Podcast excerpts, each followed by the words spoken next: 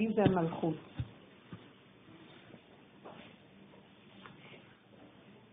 אנחנו פשוט בתהליכים של, של הגאולה, אנחנו רואים דברים ממש לא יאומנו, שזה חלק מכל ההתגלות האמיתית של אה, עניין, עניין הגאולה. שפשוט יתרון האור הבא מן החושך, זה כל העניין של העבודה שלנו. האור הזה, גם של חנוכה, זה יתרון האור הבא מן החושך. באנו חושך לגרש, יש כזה שיר לילדים. בידינו אור ואש. המקום הזה של, אה, של הגאולה, וזה דבר מדהים, זה לא שאנחנו צריכים להביא את הגאולה. אנחנו רק צריכים להיכנס לחושך, והחושך יסדר לנו גאולה. אומות העולם מסדרים לנו את הגאולה. אתם לא מבינים? אומות העולם, כשאנחנו נהיה במקום שלנו, בהכנעה, בהתמעטות, בהורדת ראש לעץ הדת, לנחש הקדמוני, אומות העולם יקומו, שזה העניין של אה, רות המואביה, והעניין של כל מלכות בית דוד שמגיעה דווקא מאומות העולם, הם יקומו והם ימליכו את עם ישראל. הם יגידו שעם ישראל הוא חי וקיים. הם יגידו שאנחנו, בזכותנו, יש לאומות קיום. הם יילחמו לנו, הם יסדרו לנו את הכל. אני רק רוצה להדגיש את הנקודה ולחבר את זה לעבודה שאנחנו עושים. שאנחנו רואים בחיצוניות של המעגלים של הקליפות החיצוניות. אני סליחה שאני קוראת לזה קליפות, כאילו, בהנהגה המדינית.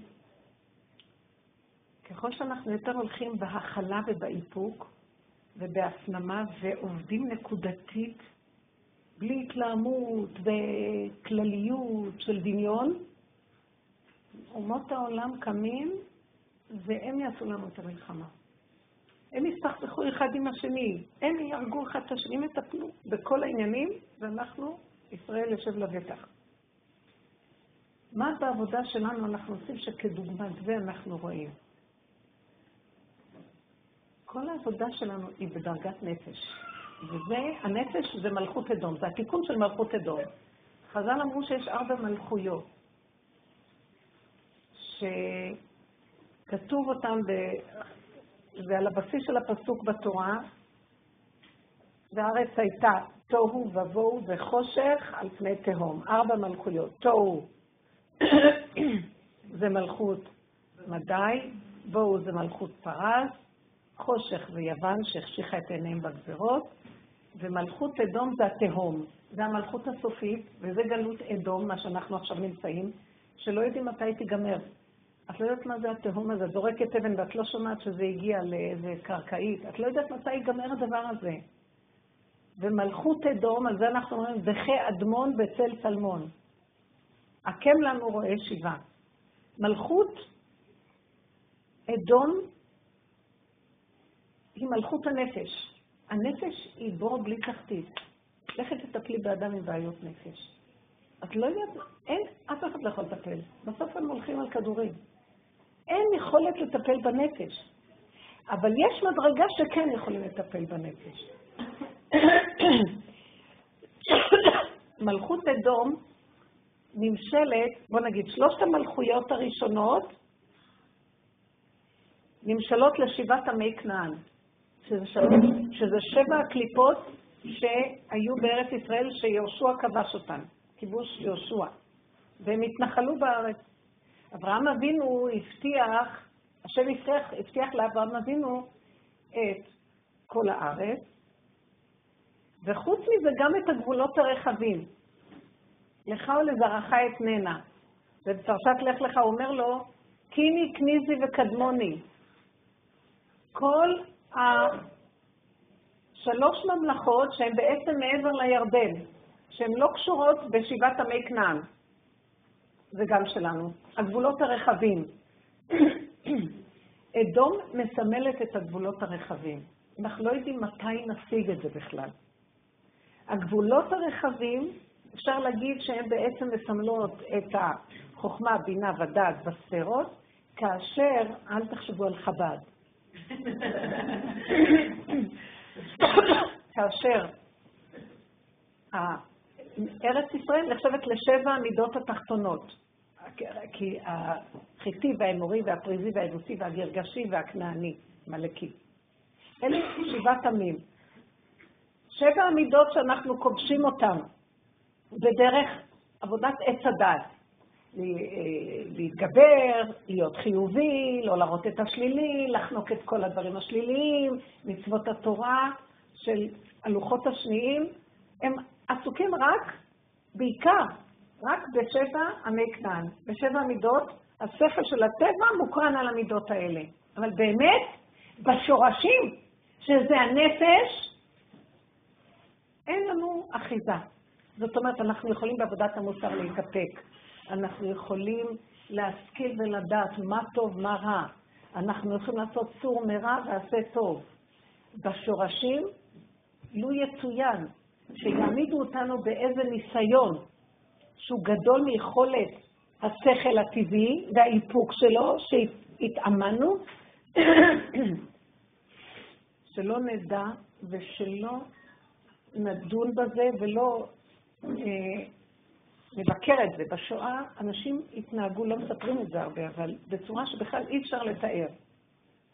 למה לנו לשואה? בואו נסתכל על חורבן בית שני. כתוב שהייתה אישה אחת בירושלים שהייתה, היה לה בן, יחיד, שהרבה זמן לקח לה עד שהיא ילדה אותו. וכל יום היא הייתה עולה לבית המקדש, שוקלת אותו, פעם בשבוע, לא יודעת מה, וכמה שהוא עלה במשקל, את זה הייתה נותנת לקופת הצדקה בזהובים, הייתה אישה עשירה. לבסוף, כשבאה הרעב על ירושלים, היא שחטה אותו ואכלה אותו. על זה אמרו את הפסוק, נשים רחמניות בשלו ילדיהן. אי אפשר בכלל להבין מה שוכב בתוך מציאות האדם. זה תהום שהיא לא נתפסת. וכל הגאולה העתידית, אם בכל הגלויות עסקנו בשבע המידות, כי גלינו משם והתעסקנו איתם, בתוך שבעים האומות, הגאולה האחרונה תלויה בירידה לעומק של הנפש, בדרגות, שאנחנו נעמוד מול הדברים שלא היינו מאמינים שאנחנו והם. וזו העבודה שאנחנו עושים. ולפעמים אנשים מזדעזעים מהשיעור הזה. אבל בסוף אנחנו רואים, כן, אם אנחנו מודים באמת שזה אנחנו, מיד זה מתהפך לאור. אתם לא מבינים שהגאולה נמצאת רק שם, בתחתית של האדום הזה, בתחתית התהום של הנפש, זה מאוד מסוכן, כי רגע אחד בתחתית הזאת יכולה להשתגע, להתחרפן. והנקודה היא איך לעמוד. רגע אחד את יכולה לעשות שם עבירות. הרציחה צפה, הניאוף צף, הגאווה והגדלות והקנאה והגניבה ומה לא. ואדם שיורד למקום הזה לעבוד, האור החיים הקדוש אומר בפרשת שמות, אלמלא התורה הקדושה בכל הדורות, שהתאמנו בה והילנו למגן, ועוטפת אותנו, כל עם ישראל, לא היינו יכולים לרדת בסוף לשערי הנון של הטומאה שאנחנו חייבים לרד שם. כי שמה, איפה מצאתי דוד עבדי? בסדום מצאתי אותו. בתוך החושך הכי גדול, בקליפה הכי גדולה, בשער של רומי, הוא יושב שם. זאת אומרת שעניינו של משיח והגאולה האחרונה זה בדיוק הפוך מה שנראה לנו. נהיה צדיקים, נהיה טובים, נהיה הכי הכי. בחוץ, ברור. אי אפשר להוציא את זה גם החוצה. צריך להיות, אני אגיד לכם מה, העבודה האחרונה צריכה מוח של ברזל. היא צריכה את המוח של חוכמה, בינה ודת. היא צריכה את המוח של קיני, קניזי וקדמוני. שבע עמים, זה מדובר. אבל קיני, קניזי וקדמוני, הם היו חזקים במוח, הם עמלקים. היסוד של השורש של העמלק. שזה מוח, המוח האנליטי, הקר, האכזרי, שהוא חזק, ורק הוא יכול לעמוד במקום הזה של השלילה. אם לנו יש אותו כוח כמו שיש לקליפה הזאת, שם נוכל להישרד. איך? עדיין לא. שאת עומדת מול השלילה הכי גדולה שלך בדרך שאנחנו עובדים, כי אני לא צריכה אותם לשחזר. מי שעובד בדרך הזאת מתבונן בעצמו, לא בשני. אין מידות, אין דמויות. זה אני, והוא מוכן להודות באמת. ברור שאנחנו יוצאים על השני, זה לא כל כך פשוט שאנחנו בקלות מוותרים. אבל יש לנו מקום שאנחנו חייבים כל הזמן לחזור לעצמנו, זה אני ולא השני. אני לא מסוגל לחיות עם השני.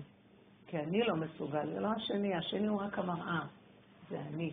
ואם אני מודה שזה אני ואני אומר, כך בראת אותי, והפגם והמידה שהיא ככה בראת אותי, עם תכונה כזאת, ברור שכל עבודת המידות הקודמת של שיבת עמי כנען, אנחנו מנקים את הדמיון ואת הקליפות שיש מסביב, אבל התכונה נשארת תכונה. אנחנו לא יכולים לסבול אף אחד, רק את עצמנו, כל אחד בדרך אחת. הקנאי לא יכול לסבול שלמישהו יש משהו אחר ממנו. הנואף רוצה את הכל רק לעצמו. גם הכעסן לא יכול לסבול שמישהו יחיה איזה קין, הוא יהרוג אותו, רק אני. וכן הלאה וכן הלאה. זה חוזר על אותה נקודה, שהבן אדם הוא הכי קרוב לעצמו ולא יכול לסבול שום דבר, וכתוב, בלשם אני קראתי זה, שהוא אומר, ביסוד הבריאה, האהבה הכי גדולה של האדם זה לעצמו, וככה זה גם צריך להיות. מעצמו לעצמו זה הכי גדול שיש. הוא הכי קרוב לעניין של עצמו, ושום דבר שאנחנו עושים, זה נראה כאילו אנחנו מתמסרים לשני, באמת יש לנו שם איזו נקודה אינטרסית שהיא שייכת לנו, והיא מה שמחזיקה את הקשר עם השני, ובכלל זה לא השני. והעבודה הזאת מדורשת מאיתנו לקחת נר בחושך, בחורים ובסדקים, ולהסתכל ולהודות, ולהגיד נכון, נכון, נכון. ברגע שאת אומרת נכון, ואת אומרת, אבל באותו רגע את גם יכולה להישבר, כי עוד יש לך את ה... יש לך עוד את הרצון של עץ הדת להיות כאלוקים, ועוד הספיחים, ואת נשברת, מה, כזאת אני? ואת אומרת, כזה אני, עם האכזריות של הקיני, קניבי וקדמוני, כזה אני, ואבא ככה בראת אותי, וזה שלך, לא שלי, ואתה רוצה למלוך בזה. מתי זה הופך להיות שאסור לי להתנהג ככה? בגלות, שאתה לא נמצא, אז אני אחראי, ואני מפחד שאני לא אתנהג ככה, אני מתאפק ואני עובד במוסר החיצוני. והאמת שביני לבינך אני מזהה את זה, זה כדי להגיד לך, תמלוך, זה שלך, זה שלך, זה שלך, זה שלך, זה שלך, אבא זה שלך, תמלוך. כי אני לא יכול להכיל את זה. זה האור של קיני כניס וקדמוני, הגבולות הרחבים. ושם השם הולך. הגילוי משיח זה משלושת הקליפות האלה. לכן גילוי משיח עבור רק מאומות העולם. מאומות העולם שהם הכי נגד, הם יבואו בסוף בעד. בסוף הנצרות שהכי שחטה את היהודים, היא בסוף תבוא. האסלאם שעושה עכשיו את הכי צרות, בסוף הם יגידו, אתם יודעים מה? יש לי סברה מדהימה, אני לא סתם אומרת את זה, ממש במוח מקנן לי הרבה הרבה, ואני אומרת את זה לפעמים. הלוא כתוב שכל עשרת השבטים שגלו בימי סנחריב, שהוא הגלה אותם ופיזר אותם, כי זו הייתה השיטה שלו, שסנחריב היה מלך בכל העולם, הוא היה משנה עמים, הוא היה מוציא אותם מאדמתם כדי שלא ימרדו בו, ומגלה אותם לארצות אחרות. אז את עשרת השבטים הוא הגלה. והוא הגלה אותם לחלך וחבור מעבר לנהר גוזן, שחז"ל אומרים שזה, שהרי הקווקז וכל המזרח הרחוק, ונהר הגנגס חאן וכל המקומות האלה. וכתוב בגמרא שהם נטמעו באסלאם, שעשרת השבטים נטמעו באסלאם. זאת אומרת שהם בהתחלה הסתובבו כשבטים, ואחר כך במשך הזמן, כשבא האסלאם וכבש, כי האסלאם היא דת של אמונה, זאת אומרת באל אחד, אז היא לא נחשבת לעבודה זרה, אז הם לא, לא מתו על קידוש השם, לא היה צריך, הם הצטרפו, חלק גם נשארו עם המנהגים, יש מחקר על כל הדבר הזה על כל השבטים האלה, שבפקיסטן מצאו שבטים שנקרא ג'ידי, רובני, מנשי, כל המנשי, הם קוראים לעצמם בשמות האלה, יש להם קצת מנהגים גם כן, והיה איזה אחד שכתב, פעם הוא בא לתת אצלנו הרצאה במוסד שלנו, אליהו אביחי, אביחי, והוא אה, ראיין את המלך של פקיסטן אז, לפני שהיה הפיגוע הזה בתאומים. בתאומים, אז אה, הוא אמר שהוא משורש מלכות אה, שאול, והוא צאצאים של שאול המלך, המלך הזה אמר. בקיצור, יש שם, עכשיו מה שאני רואה עכשיו, שכל הכוח החזק הזה של האסלאם הרדיקלי, או בוא נגיד אלה שפה, הפלסטינאים, שכל כך אה, פתאום אכפת להם שהר הבית זה שלהם, זה אל-קודס, ירושלים אל-קודס, ממתי האמת הזה שלהם? ממתי זה האסלאם לקח את המקום הזה? מקשקש להם בתוך הנפש, זה הצאצאים כנראה של עשרת השבטים, שמקשקש להם בתוך הנפש העניין של הקנאות הדתית, כי הם היו, השבטים היו מאוד עזים, הם היו מאוד עזים. כתוב שיש איגרת אלדד הדני, שהוא מספר, שהוא חקר אותם והוא בא משבט דן, והוא אומר מה הם עושים, הם שודדים את האומות, זה היה לפני האסלאם. שודדים את האומות, ומזה הם חיים, הם יהיו על חרבם, כמו שהוא אומר, כמו שבברכות של יעקב אבינו, שהוא יפיל אה, אה, את הסוס ורוחבו, ולישועתך קיוויתי השם, כי הם היו מאוד מאוד מאוד אה, שימון, כן, וכן הלאה. הם היו מאוד עזים וכלי חמאס מכירות. חזקים מאוד. והמקום הזה של הקיצוניות הזאת, לפעמים אני רואה, בסוף הם, יתקשקש להם האור של שהם שייכים, והם בסוף יבואו ויכנעו וימסרו את הכל, עם כל הקיצוניות שלהם והשנאה שיש שם, בסוף הם יפרקו את הכל ויבואו להודות, כמו שהנוצרים יבואו להודות, שהכל זה עם ישראל, ועם ישראל הוא האור לגויים. אבל בשביל זה אנחנו צריכים לעשות משהו. כי הם מחכים רק לנו שנעשה את מה שאנחנו צריכים לעשות, כדי שהם בסוף יעשו את מה שהם צריכים לעשות. מה אנחנו צריכים לעשות? אנחנו מפריעים להם. כל פעם שאנחנו מרימים ראש ורואים שאנחנו יותר טובים מכם, ושאנחנו הולכים נגדם, לכן כאן זה מדיניות ההכלה. ההכלה, פירושו של דבר, אני לא מדברת על מה שקורה בחוץ, בעבודה שלנו, זה לראות כל פגם שאני רואה שזה שייך לי. ואני נכנס פנימה לתוך היסוד שלי, ונשאר שבסוף הכל זה אני, השני היה רק סיבה, והוא בכלל לא קשור שיש לי עסק איתו בכלל. שמעתם? כל סכסוך, כל ויכוח, כל שלילה שקורית. כלום, זה הכל, אם אנחנו אה, ננתח, תוכו אכל קליפתו זרק, אני רואה, יש כאן נקודה בשבילי, אני נשאר, יורד לתוך החושך של עצמי, והחושך הזה, הוא הכי קשה לרדת לשם ולהודות, ולא להיות מאוים, ובפה מלא להודות ולהכיר, אין עכשיו אף אחד מולי, זה אני ביני לבינך, ובסוף גם להגיד לו, אבל אני ממליך אותך למקום הזה, כי אני לא יכול לתקן, כי בסוף לא יכול לתקן שום פגם. אין, אין, אין. השורשים רקובים. כי יצר לב האדם רע מנעוריו, בסוף פרשת שמות, אה, בראשית, ומחשבות ליבו רק רע כל היום. אתם זוכרים שכתוב את זה? ויתעצב השם אל ליבו, וינחם שהוא ברא את העולם ואת האדם. כי יצר, כי הוא אמר, יצר לב אדם רע מנוריו, מחשבות ליבו רק רע כל היום. וחז"ל אומרים במדרש, על הפסוק הזה, בטרם ננער מבטן אמו, לפתח חטאת רובץ. הוא עוד לא יוצא החוצה, כבר הוא רוצה לחטוא. זה כבר אה, תוכנה כזאת שאין לנו עליה שום שליטה. אז בהכרה אמיתית ולהודות את זה, מה אנחנו עושים? בטבע אנחנו מתכסים ואומרים, לא, אנחנו צדיקים, השני הוא רע. זה טבע. ואנחנו אומרים את זה כדי לפחד לא ללכת ברוח של השני, בטבע. אבל באמת, באמת, העניין שלנו לרדת פנימה. זה השורש של אדום, זה התהום, זה מדרגת הנפש, ולהודות שזה רק אנחנו ואין אף אחד. זה הכוח שיעורר כזה אור גדול, וצריכים בשביל זה נרבים, צריכים בשביל זה חוזק, צריכים בשביל זה אמת. אדם שהוא אמת, איש אמת, יש לו נרבים חזקים. אבל הוא לא צריך להפנות את זה לשני. לשני צריך להיות בעידול, לא לפגוע. אבל בתוכנו עם עצמנו. אדם אחד אמיתי כזה זה המשיח, הוא הכי הכי אמיתי שיש. למה הוא יושב בפתחה של רומי? כי זה המקום שמזכיר לו כל הזמן כמה הוא דפוק. כל הזמן יושב ורואה, כולם שם פושעים. מה זה פתחה של רומי? תחנה מרכזית, איפה שיש סמים, איפה ש... כל ה... כל ה... תמיד במקומות האלה הם הכי נראים לו טוב. הפתח. והוא יושב שם, האיש הכי קדוש, הכי טהור, הכי עם יראת שמיים, שמפחד כל רגע שמא הוא יעשה משהו, וכל מה שיש בעולם הוא אומר, זה אני. עכשיו הוא רואה כל הזמן את השלילה, אומר, עוד רגע אני הולך לגנוב, עוד רגע אני אנאף, עוד רגע אני ארצח, ואז הוא צועק, השם, זה שלך, לא שלי, אני לא יכול, והוא יושב שם והאור מתגלה עליו. זה המקום שמתגלה האור של משך, זה בדיוק הפוך מה שאנחנו חושבים. היה לי כזה, אני אספר לכם. לאחרונה, בשיעורים האחרונים, אנחנו כבר הגענו למקום בו אני עוד פעם משחזר את התהליך של העבודה שלנו. אנחנו באים לשיעורים האלה, אנחנו לא באים לכאן דווקא נשים צדיקות, שהן שומרות מצוות והכול, נכון? עשו עבודת מוסר, יש להם הרבה השכלה בתורה. מה אנחנו באים להגיד להם? הי הי הי הי הי. בינך לבינך, תסירי את כל הכיסויים, תראי מי את באמת, צדיקה גדולה. ברגע שהבן אדם מתחיל לחפש את האמת של עצמו, מתחילים להראות לו מי הוא. פעם מישהי אמרה לי, אישה צדיקה בבית חרדי, מהחסידים החוצניקים היקים האלה, שהם חלק אחד חסידי, חלק יקי אצלהם, שהיא גרה לבני ברק.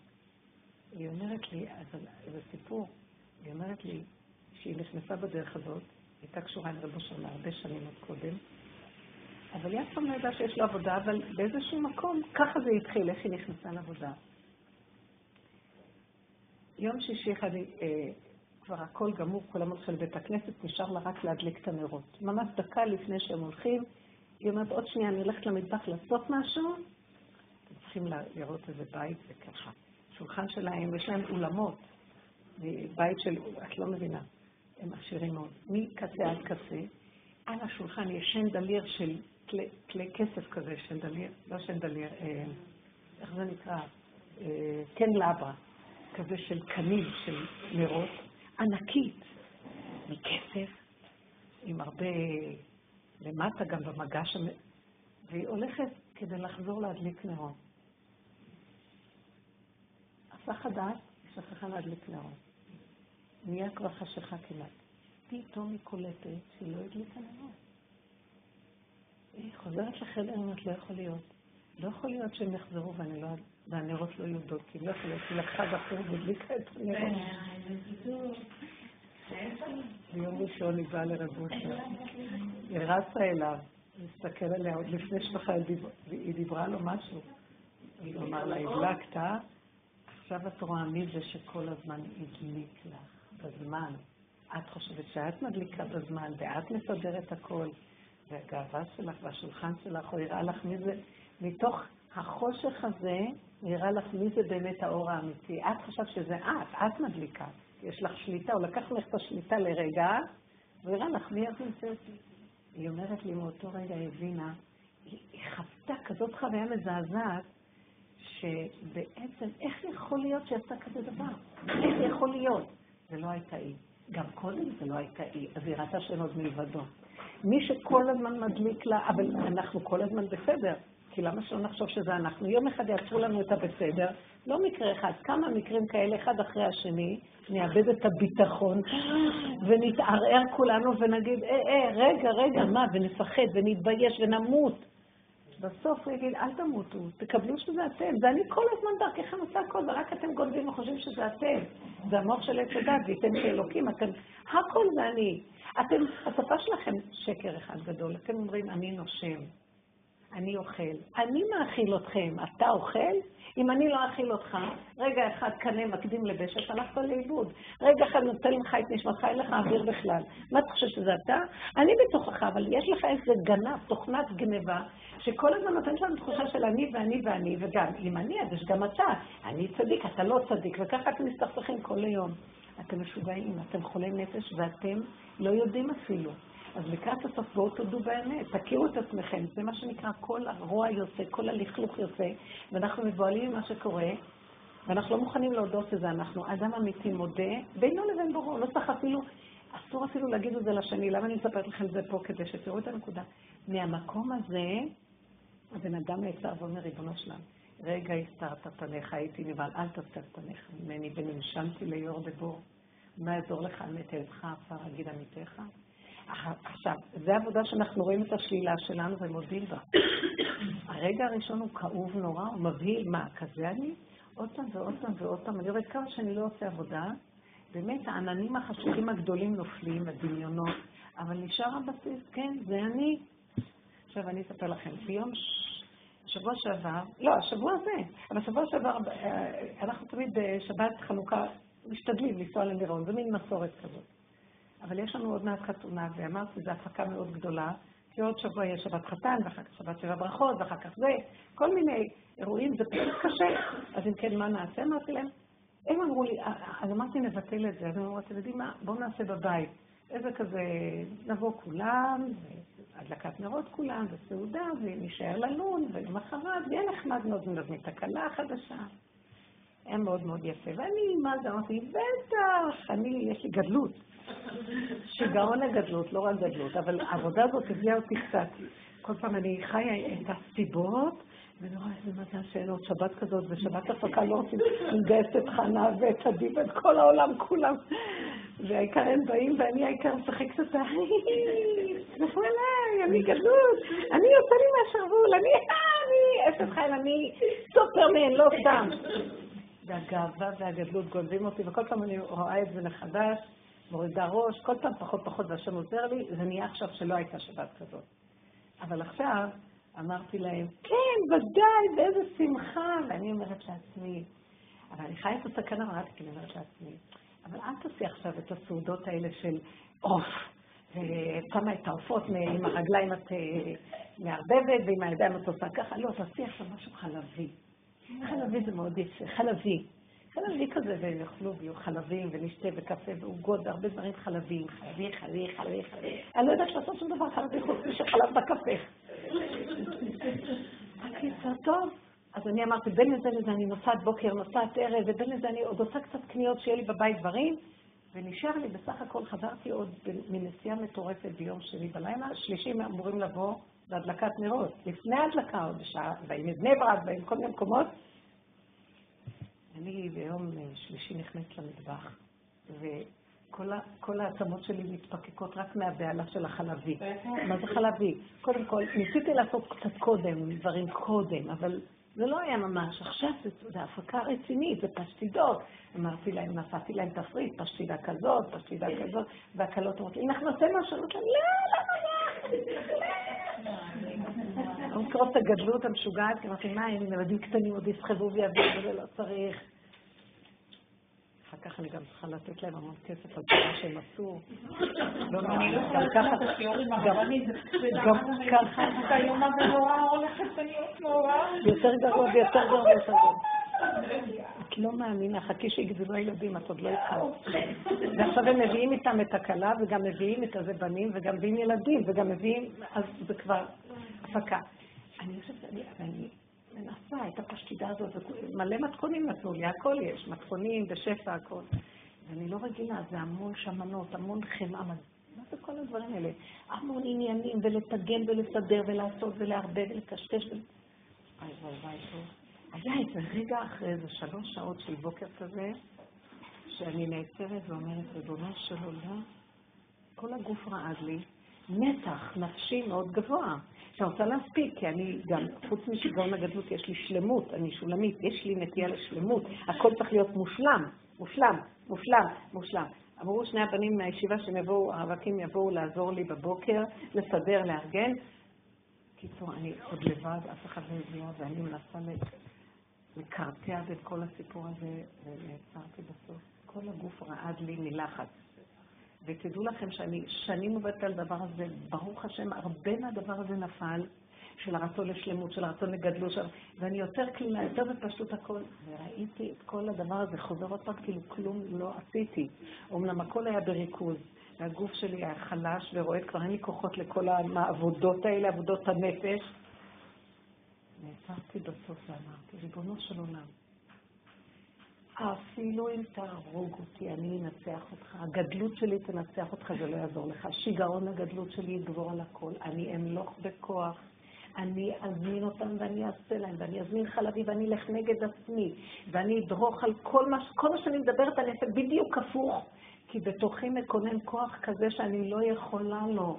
ואם אתה לא תציל, אותו ממנו, תציל אותי ממנו, הוא יהרוג אותי ואני אהיה מתה. ומה יעזור לך המת, היותך עפר על במיתך, אני הולכת למות. אני אומרת לכם את האמת, הרגשתי כל הגוף רועד לי, לחץ. אני לא שפויה, אני... מה זה? חזר אליי בדרגות, ברמות. ואני הבנתי למה כל זה חזר עוד פעם. כדי שאני אצעק אליו, אם אתה לא מולך בזה, אני אומרת, אתה לא מתגלה בזה, אין לי חיים. אני לא יכולה להפסיק להגיד להם לא, אני לא יכולה לא לרצות אותם, אני לא יכול... כל, כל הווידוי הכי גדול, וידוי של רבנו ניסים גאון. הכל אמרת לו, תהרוג אותי, גם תמשיך לצרוף אותי, לא יישאר ממני כלום, אני אמשיך. אז אתה פשוט חייב להתגלות. למה אתה מסובב אליי את כל הסיפור הזה? כי אתה חייב פשוט להתגלות ולמלוך בזה. אתה בראת אותי עם גדלות. אתה בראת אותי עם רצון לשלמות. אתה בראת אותי עם התכונות האלה. עשיתי עבודות על דמיונות נלווים שנפלו בשבע עמי כנען, בעבודות של המוסר וכל הזה, אבל הבסיס נשאר, נשארתי אותו טרייף. אותו ניבול נשאר, באמת, אותו דפוק. נשארתי גנב של גדלות, גנב של שלמות, גנב של ישות וכוח, ורק אתה, ואני, אין לי כבר כוח. כאילו, אתם יודעים מה הרגשתי באותו רגע? הרגשתי שהשטן צועק הצילו. אתם לא מאמינות לי שהשטן אומר, די, נמאס לי, אני כבר לא יכול לסבול, אני כבר אין לי כוח, תיגל אותי כבר, זה כבר לא הצדיק צועק. מה קרה לכם? זה הוא בעצמו. אומר, עוד מעט אני אמות. אתם לא מבינים. וזה היה וידוי אמיתי, אמיתי, אמיתי עד הסוף. נעצרתי ככה, לא יכולתי כבר. כי מה, היה לי עומס לא נורמלי, זה שלוש פשטידור. זה תפוחי אדמה מוקרמים, אני אגיד לכם את התפריט. זה לחמניות כוסמין, וסלט ירקות גדול עם רטבים מיוחדים, זה מרק כתום. מה היה שם? כאלה, כל מיני דברים. תקשיבו, רבותיי, אתם לא מבינים, משוגעת. מפרפרת. אבל אני עמדתי ואמרתי לו, אתה לא מבין שאני אמות, אני לא יכולה להיכנע, אתה לא מבין. כמה עבדתי, ואחר כך הבאת לי ניסיונות, נכנסתי פה, נכנסתי שם, זרקת אותי מהבית, אני מסתובבת, העיקר לא להזמין, לא להיות, to be or not to be, לא, לא להיות טוב. חזרתי, כל פעם שבא ניסיון כזה, אני אחזור לאותו חור. עכשיו הבנתי, אתה רוצה פשוט שאני אעמוד ואגיד לך את הווידוי עד הסוף, רק אתה תמלוך בזה. זה הגדלות שלך, תמלוך בה. זה המציאות שלך, תתגלה עליה. זה שלך, אתה מכריח אותי שזה יופיע שוב, ואני על הקיר כדי שאני אגיד שזה שלך, לא שלי, כי אתה בראת אותי ככה. אז לא, אני לא אשתנה, אבל אתה רוצה להתגלות וזה את תשארי את, ואת את, ואת את, אבל הוא יתגלה בכל אחד ואחד. זה לא שאני אתגבר על עצמי ואשנה, אני לא אשנה. אני פשוט, אתה חייב להתגלות.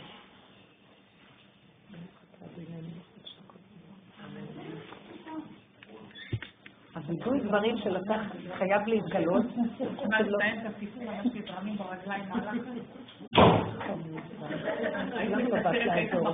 תתקצרי, אני אגיד לך לבטל את כל התפריט ברגע ומה עושים.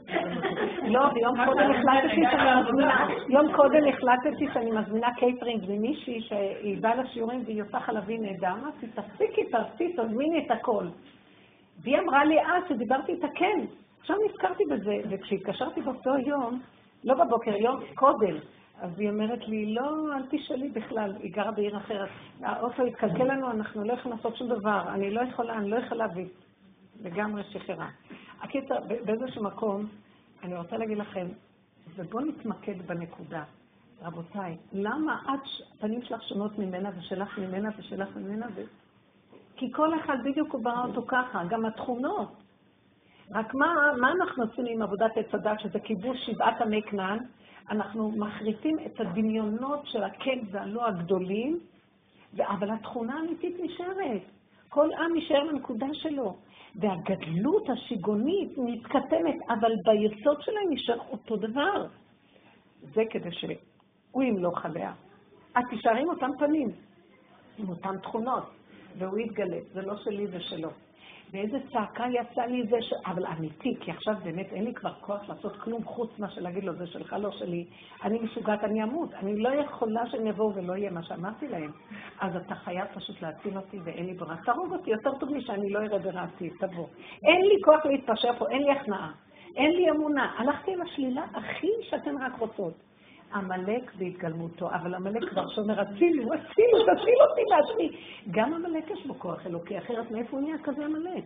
מאיפה הכוח הזה לכזאת שלילה? זה כוח אלוקי גנוב, אבל הוא כבר מגלה את הגניבה שלו, אני עובדת בשבילו, אני בשירות שלו. ועכשיו אני התוודעתי בשבילו. אני, אני אמות. בסופו של דבר, לא גמרתי להתפלל, אבל תפילת אמת שיצאה לי מעומק הלב, וצער שאני אמרתי לו, אני לא יכולה לחיות בעולם הזה יותר, אני לא יכולה. למה אני חיה פה ואתה מביא לי הזדמנויות? אני משחקת אותה משחק כפול. בתוך הנפש שלי אני כל כך קשורה בעבודה ואיתך, בחוץ אני משחקת את העולם, אני נמאס לי מהעולם הזה שלא נגמר, וכל היפייפות של בית יעקב והישיבות האלה, שאין לי כוח, הם לא קולטים, שיורידו ראש ויבואו עם, עם, עם, עם, עם סנדלים, ויהיו בני אדם סתם, פשוטים, בלי כל המוקרנים האלה, והכל סלוקני. ולא עוזר כלום. ואמרתי לו, הניגוד הזה, אני כבר לא יכולה לתכן לכם בשתי החזיתות האלה, אני הולכת למות, אבל אתה יודע מה, החזית החיצונית מנצחת, הם, הם ינצחו אותנו, הטבע ינצח אותך, אמרתי לו. אתה לא תנצח אותי, אני אנצח אותך, אמרתי לו. מה יצא לך מזה שאני אנצח אותך? כדאי לך להוריד ראש. כן? כדאי לך לבוא להציל אותי. כי אני לא יכולה, אתה לא מבין, אני אהרוג את עצמי ואני אהרוג את כולם יחד איתי, למה לך? ברור שזה הוא בתוכי מתוודה על עצמו, אתם לא מבינים? זה בכלל לא אני, אין אני. זה כבר לא וידוי של אני, של טבע, זה וידוי של אין עונות של עוד מעט הנשימה יוצאת למעט. אני לא סתם אומרת לכם, אני ככה חלשה, בקושי אני אוכלת לפעמים. ואיך לקחתי פרויקט הזה? כי השיגעון של הגדלות לא נחלש בכלל. הוא נחלש בדמיונות שלו, אבל הוא נשאר אותו כן. אחרי שגמרתי את התפילה, ככה עשיתי לי כוס קפה, אפילו קפה לא שתיתי בבוקר כדי שנזכרתי, תשתי קפה תרגי, יצאתי למרפסת. אני שומעת דפיקה בזה, אני חוזרת, שתי נשים הגיעו, אושרת ועוד אחת מתוקה. התלבשו על המטבח, באיזה בריזות, ערכו שולחן, סידרו את הדברים, הכינו דברים. אני אומרת לכם, אני רק אמרתי כמה מילים. אחרי שהם הגיעו עוד שלוש נשים, ואליעזר הגיע איתם. שתי נשים ואליעזר. לכל נשים הגיעו. אז הוא לוקח את האשפה, זורק, הוא תמיד אוהב לזרוק את האשפה. הביא לי ביצים. הוא אומר לי, מה את עוד צריכה? סתם, כאילו משמיים שלחו את כולם. עבדו עכשיו במטבח שישה אנשים. אני לא יודעת, בשעה אחת, וזה היה בסביבות עשר שצעקתי את הצעקה, בשעה אחת ועוד צחקנו, והם עשו לי גם אה, סופגניות, ומה לא עשו שם? קרקרים. אתם לא מבינות מה היה. כל לחץ עשה משהו, וכאילו היה יד אלוקית בדבר. כל הלחץ, זה לא בגלל ש...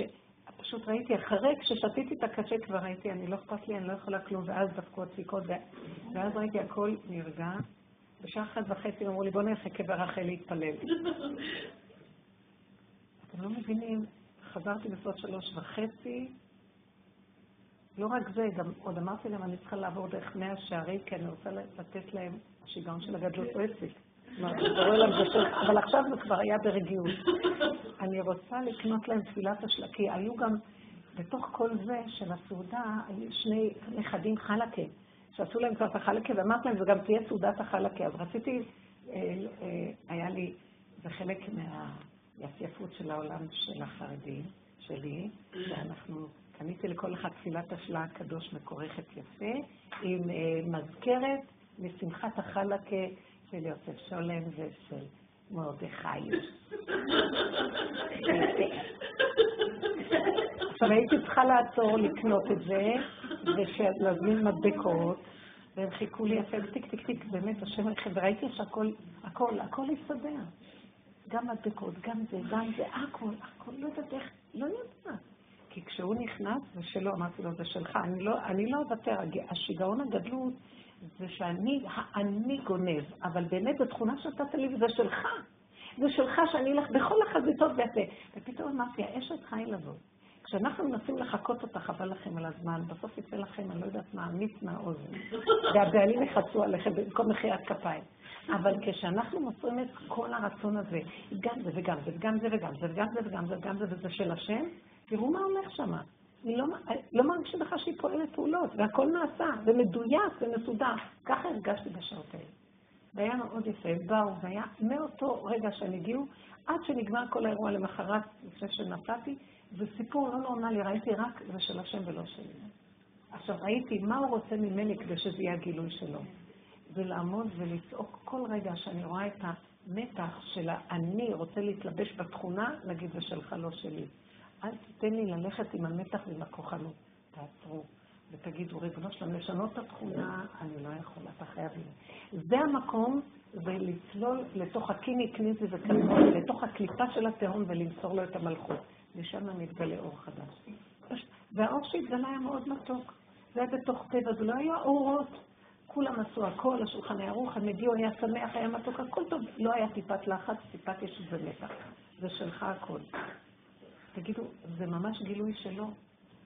בקטן ובמתוק. אבל זה לרדת עד הסוף לתוך מציאות הטבע ולהודות באמת, ולמסור לו את הכל. זה לא שלנו כלום. לא להישאר עם הכאבים, לא להסכים שזה שלי. אם זה שלי, אם אתם רואים את עצמכם לחץ, מצוקה, כאבים, זה המחשבות, זה הישות וזה הגניבה של האני, הוא גונב את התכונות ועושה אותן שלו. מי יכול להרים את זה? אני אגיד לכם, לפני שבועיים כזה, שבוע וחצי, אה, עבדתי כל אותו שבוע, אמרתי, העבודה עכשיו היא רק על השלמה. תשלימו בכל התאים שיש לכם. אל תרדו על עצמכם ואל תרצו לשנות. אין לשנות, אתם לא מבינות? אין לשנות דבר. ככה זה וזהו זה. כל הביקורת שהמוח יזרוק עלייך, תגידו לה, אתה צודק, נכון? וזה ככה אני. זה ככה, ככה, ככה, ככה. אני עבדתי על ההשלמה בצורה כזאת שכל דבר הכרחתי את עצמי, במקום להתפזר עם המוח ולנסות להכיר, להסתכל, לא. רק אמרתי לה, אני לא יכולה, אני עד הסוף עם הנקודה ואני לא יכולה, רק אתה יכול לעזור, זה שלך, לא שלי. היה לי איזה ניסיון שכאילו ישבתי ואמרתי לו, זה שלך, לא שלי, והייתי נורא תשושה, ישבתי על הכיסא והתנמנתי לאיזה כמה דקות. לא יודעת אם זה היה דקות. אני רואה, אני אומרת לו, זה שלך, לא שלי, זה שלך, לא שלי, זה שלך, לא שלי. אין לי כוח, אני כל כך כבר לא יכולה, לא יכולה כלום, אני לא יכולה כלום, זה הכל אתה, זה שלך הכל, בכלל אני לא מציאות פה. ושום דבר בטבע לא משתנה. אבל זה הכל שלך וזה לא אני, העולם לא שלי, אין לי שום בעלות על כלום. אני יושבת בכיסא ועושה ככה, אני התנמנמתי, ופתאום אני רואה תמונה של... שהמצב הזה נהיה כמו בהמה. נהיה כמו ציור של בהמה, זה היה כמו ציור, אני לא יודעת אם זה היה חמור. נראה לי חמור, למה? משהו של חמור. הכנעה, הכנעה, הכנעה, הכנעה. ופתאום אני רואה שאני רואה את החמור, ופתאום אני רואה מישהו קופץ עליו. וככה התעוררתי. ואז אמרתי, ההשלמה הזאת זה להיות חמור. ואז משיח יש לו על מה לשבת. אנחנו צריכים להיות החמור. הכנעה, השלמה, הסכמה. ואז באה התנתקות. יש גילוי. מה אכפת לי? משהו מתנהל ומסתדר, זה לא שייך לי. ממש ציור כזה ראיתי. זה מקום כזה מתוק ודק שלא יתואר. באמת, אני לא יכולה לסבור לכם עד כמה. אבל המקום הזה לרדת לחושך הזה ולהסכים עם לא דבר קל, כי יש כל ההתנגדות שבעולם של האני הגדול, הידעני, שלא מוכן לרדת למקום ולהודות, אבל אין ברירה. הוא מכריח אותי. כי אני לא יכולה כבר לשאת את הדמיון שלו, אני לא יכולה, אני לא יכולה. זה לא, אין אני, זה סתם גנב, גזלן, שהוא חושב שהוא קיים, וזה הכל של השם, אז למה שאני ארים את זה? העגלה נוסעת, למה שאני ארים את השק? כי העגלה נוסעת כבר.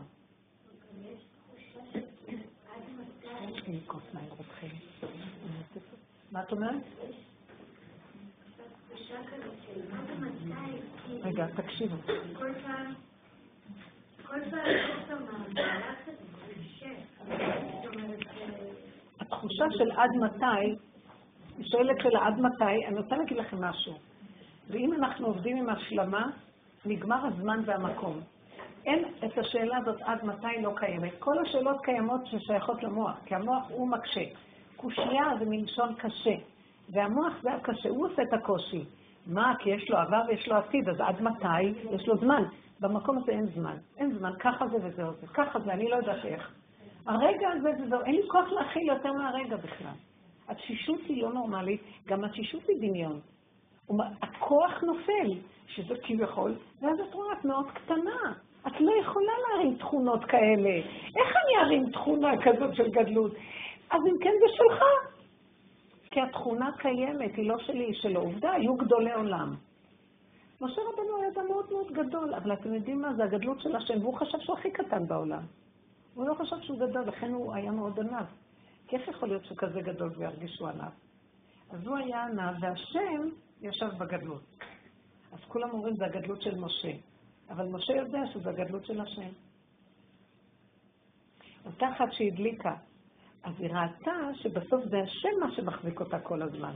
היא חיה זה, אמרה לי שכל כך הייתה לה קליטה מזעזעת, אז היא פשוט גילתה שזה הכל השם, בכלל זה לא היא. נשב קצת. אני חושבת שאם אנחנו נתבונן במציאות הזאת, נתחיל להבין מה המקום שלנו של העבודה לגלות את האור האלוקי. תנו לי את הלכלוך שלכם, אני אתן לכם את האור שלי. מה אני, מה אני מבקש מכם? לא יפה. יפה. אני, אני עצרתי את כל זה. מה, אתם מסתירים ממני? כמו תינוק שמסתיר את החיתול המלוכלך מאמא שלא יעלה על הדעת, שגם לא נעים לי לתת לך את החיתול, הוא משפריץ לכל עבר, לא מעניין אותו בכלל. העיקר שהיא, תודה. העיקר שינקו לו ויביאו לו ויצמחו אותו, והוא בכלל לא אכפת לו. איזה מקום מדהים, ולמה אנחנו לא מסוגלים להיות ילדים קטנים של השם? כי האגו הזה של וייתן כאלוקי, מה, זה יפה? מי שרוצה להיראות כאלוקי, שיראה לא יפה? איזה רמאי שקרן, איזה אלוקות. רק השם הוא אלוקות, ואנחנו חסרים עד הסוף. אין, מה הייתה ישועה בחנוכה של המכבים?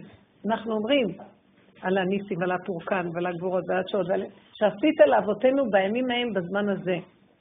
מסרת גיבורים ביד חלשים, רבים ביד מעטים, טמאים ביד טהורים, רשעים ביד צדיקים וזידים ביד עוסקי תורתך. מסרת רבים, הקליפה, ביד מעטים. הם היו קטנים ומעטים, הם היו צדיקים מול עולם רשע. הם היו, אה, מה עוד, אה, אה, לומדי תורה קטנים ביד זדים, כן? טמאים היו טהורים, כמה טהורים יש בעולם? וכמה טמאים יש בעולם? המיעוט הזה, הם הודו בו שהם קטנים. והוא נכנס ועשה להם את כל הישועה. ולמה הישועה? היא לא של המכבים. כתוב, אתה מסרת את הרבים ביד מעטים, אתה! את הטמאים ביד הטהורים, אתה! את הצדיקים, את הרשעים ביד הצדיקים, ואתה עשית, זה לא הם. מה הם כן עשו? הם היו קטנים. הם הודו בקטנות. ולך עשית שם גדול וקדוש בעולמך. ולא אני עשיתי לו שם גדול, עשיתי קידוש השם. הוא עושה את הקידוש השם שלו, אומר לו, רק אל, רק אל תפריעו לי למלוך, תורידו ראש. וזה מה שהם עשו שם. השם נתן להם, הם, הם כל כך היו במין קטנות והתמעטות של שפלות, כי היו גזרות קשות וביזיונות נוראים. הכלות היו צריכות ללכת דרך חדר המפקד לפני שהן הולכות לחתן? איזה דבר זה? אחרי החופה? אחרי החופה, הם חיכו לחופה, לא לפני. זה לא נורמלי. כבר הייתה אשת איש והייתה צריכה ללכת. מה הסיפור הזה? המקום הזה הביא אותם לשיוורון ושפלות. ובמקום הזה, אפילו יש מקום שכתוב בגמרא, שהנשים, הבנות, אמרו, אנחנו רוצים להתאבד, ולא ניכנס לחופה. אמרו להם החכמים, מה פתאום? אתם תלכו מה שהגזרה אומרת, ותלכו אחר כך לבעלים, וככה זה. אין שפלות יותר גדולה מזאת לכלה. אין. נאנסת, ואחר כך הולכת לחתן שלה. איזה מין דבר זה? והם אמרו, תודו, כאילו, זה מה יש, ותסכימו ותכניעו ראש. ואז השם התגלה בתוך המכבים עם אש כזאת, מה זה הדבר הזה, מה שהם עשו? הלוא זה היה ישועה שהיא לא נורמלית. מה זה שהפח הקטן הזה הספיק? מה זה הקטן הזה מסדר את כל הגדול הזה? המעט הוא רב, וזה רק גילוי השם. זאת אומרת, אם היה גדול הרבה, לא היה ניכר, אומרים, זו הגדלות.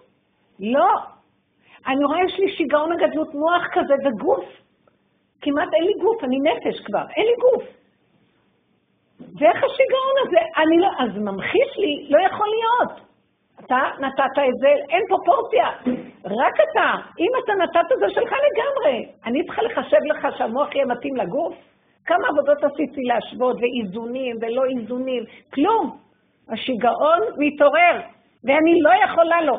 הסוף יהיה הכנעה מאוד גדולה. הכנעה וצעקה, מה שהם צעקו במצרים, לא יכולים לפרעה הזה שכל פעם מתחדש עליהם, והם שבויים אצלו. אמרתי לו, רק אתה יכול, תציל אותי, אתה מולך. מה הוא רוצה להגיד לנו? הסוף, הגאולה הסופית תהיה, אתם תשארוים הלכלוך, ואני אכנס, וטיפה של אור שלי מנקה את כל הלכלוך. אני רוצה את הלכלוך שלכם, כי יתרון האור הבא מן החושך אינו דומה כיתרון האור הבא מן האור. זה ישועה מסוג אחר לגמרי, אתם מבינים או לא? לעת ערב יהיה אור גדול, אומר הנביא.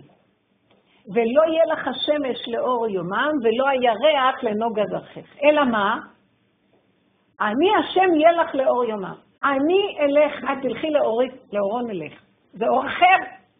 לא אור של טבע שיש כן ולא. יש אור של חמה ואור של לבנה. לא, זה טבע, ואנחנו משתמשים באור הזה, ובזמנים שהם, כתוצאה מזה אנחנו קובעים את לוח הזמנים. אין זמן כזה, אין זמן, אין מקום, אין כלום. אני יכול לקחת ולעשות מזה את הדבר הכי גדול. אבל מה? אבל מה צריך לעשות? כי בגלות השמש חושב שהוא מולך, ואנחנו ממליכים את השמש, היו עובדים לשמש. והירח היו גם עובדים לירח. לקראת הסוף, השמש יגיד, אבא זה האור שלך, לא שלי. ואז יהיה כאור החמה שבעתיים. והלבנה תגיד, זה האור שלך, לא שלי. אז זה יהיה, והיה אור החמה כאור הלבנה, אור הלבנה כאור החמה. אתם מבינים מה? זה יהיה גילוי השם, אבל כל אחד יצטרך להתוודות על הגבוליות שלו. זה הסוף, תבינו. בשביל זה צריך להגיע למקום של הגבוליות, אחר גבוליות, אחר גבוליות. והמוח של עץ הדת אומר, מה, אני מוגבל? לא. הוא לא מוכן לתת את העבודה הזאת. הוא נשבר, הצדיקים יישברו. כי הם רוצים להיות צדיקים וגדולים וחשובים, וגם כן להספיק וגם להיות יכולים. ואז השלב האחרון יהיה, תורידו ראש, אם לא אני אערוף לכולכם את הראשים, כולל הצדיקים, תורידו ראש. אה, רואים את זה? תורידו ראש, תודו באמת. אתם לא יכולים כלום. גם מה שאתם חושבים שאתם עשיתם זה הדמיה, הרשיתי לכם יותר טוב מה שהדמיה של צדיקים, מה שהדמיה של רשעים. אבל הכל הדמיה. עכשיו נגמר התיקון של עץ הדעת טוב ורע, עץ הדעת טוב מפני הרע, עכשיו זה רק אני ואין עוד מלבדי, ואף אחד לא ירים ראש הרגל. אז נמצא שהצדיקים בדווקא יצטרכו להוריד ראש, ויהיה הכי קשה לצדיקים להוריד ראש. אתם מבינים את הדבר הזה? הצדיקים יגידו, אבל, אבל כל כך הרבה עבודה עשיתי, מה לא מגיע לי? אבל אני גם משהו, לא, גם אתה משהו? מול השני אתה יכול להגיד אני משהו, מול הרשע אתה יכול להגיד אני משהו, מול בורא עולם אתה יכול להגיד שאתה משהו? איפה יש שם כדבר כזה? אפילו בקדושים שלו הוא לא מאמין כתוב, ובמלאכים שלו, במלאכיו יוצאים תהלה. ואם צדק מה תיתנו, מי אתה בכלל? זה הגילוי הזה של משיח, זה האור הזה. כן. מי שרצה לשאול משהו. יש לי איזו תשובה מוכנה, אבל אתם לא שומעים.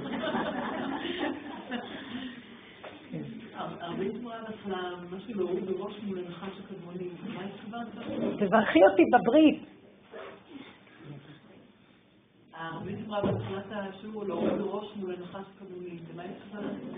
לא, הנחש הקדמוני עכשיו, הנחש הקדמוני זה אני, והוא צועק הצילו.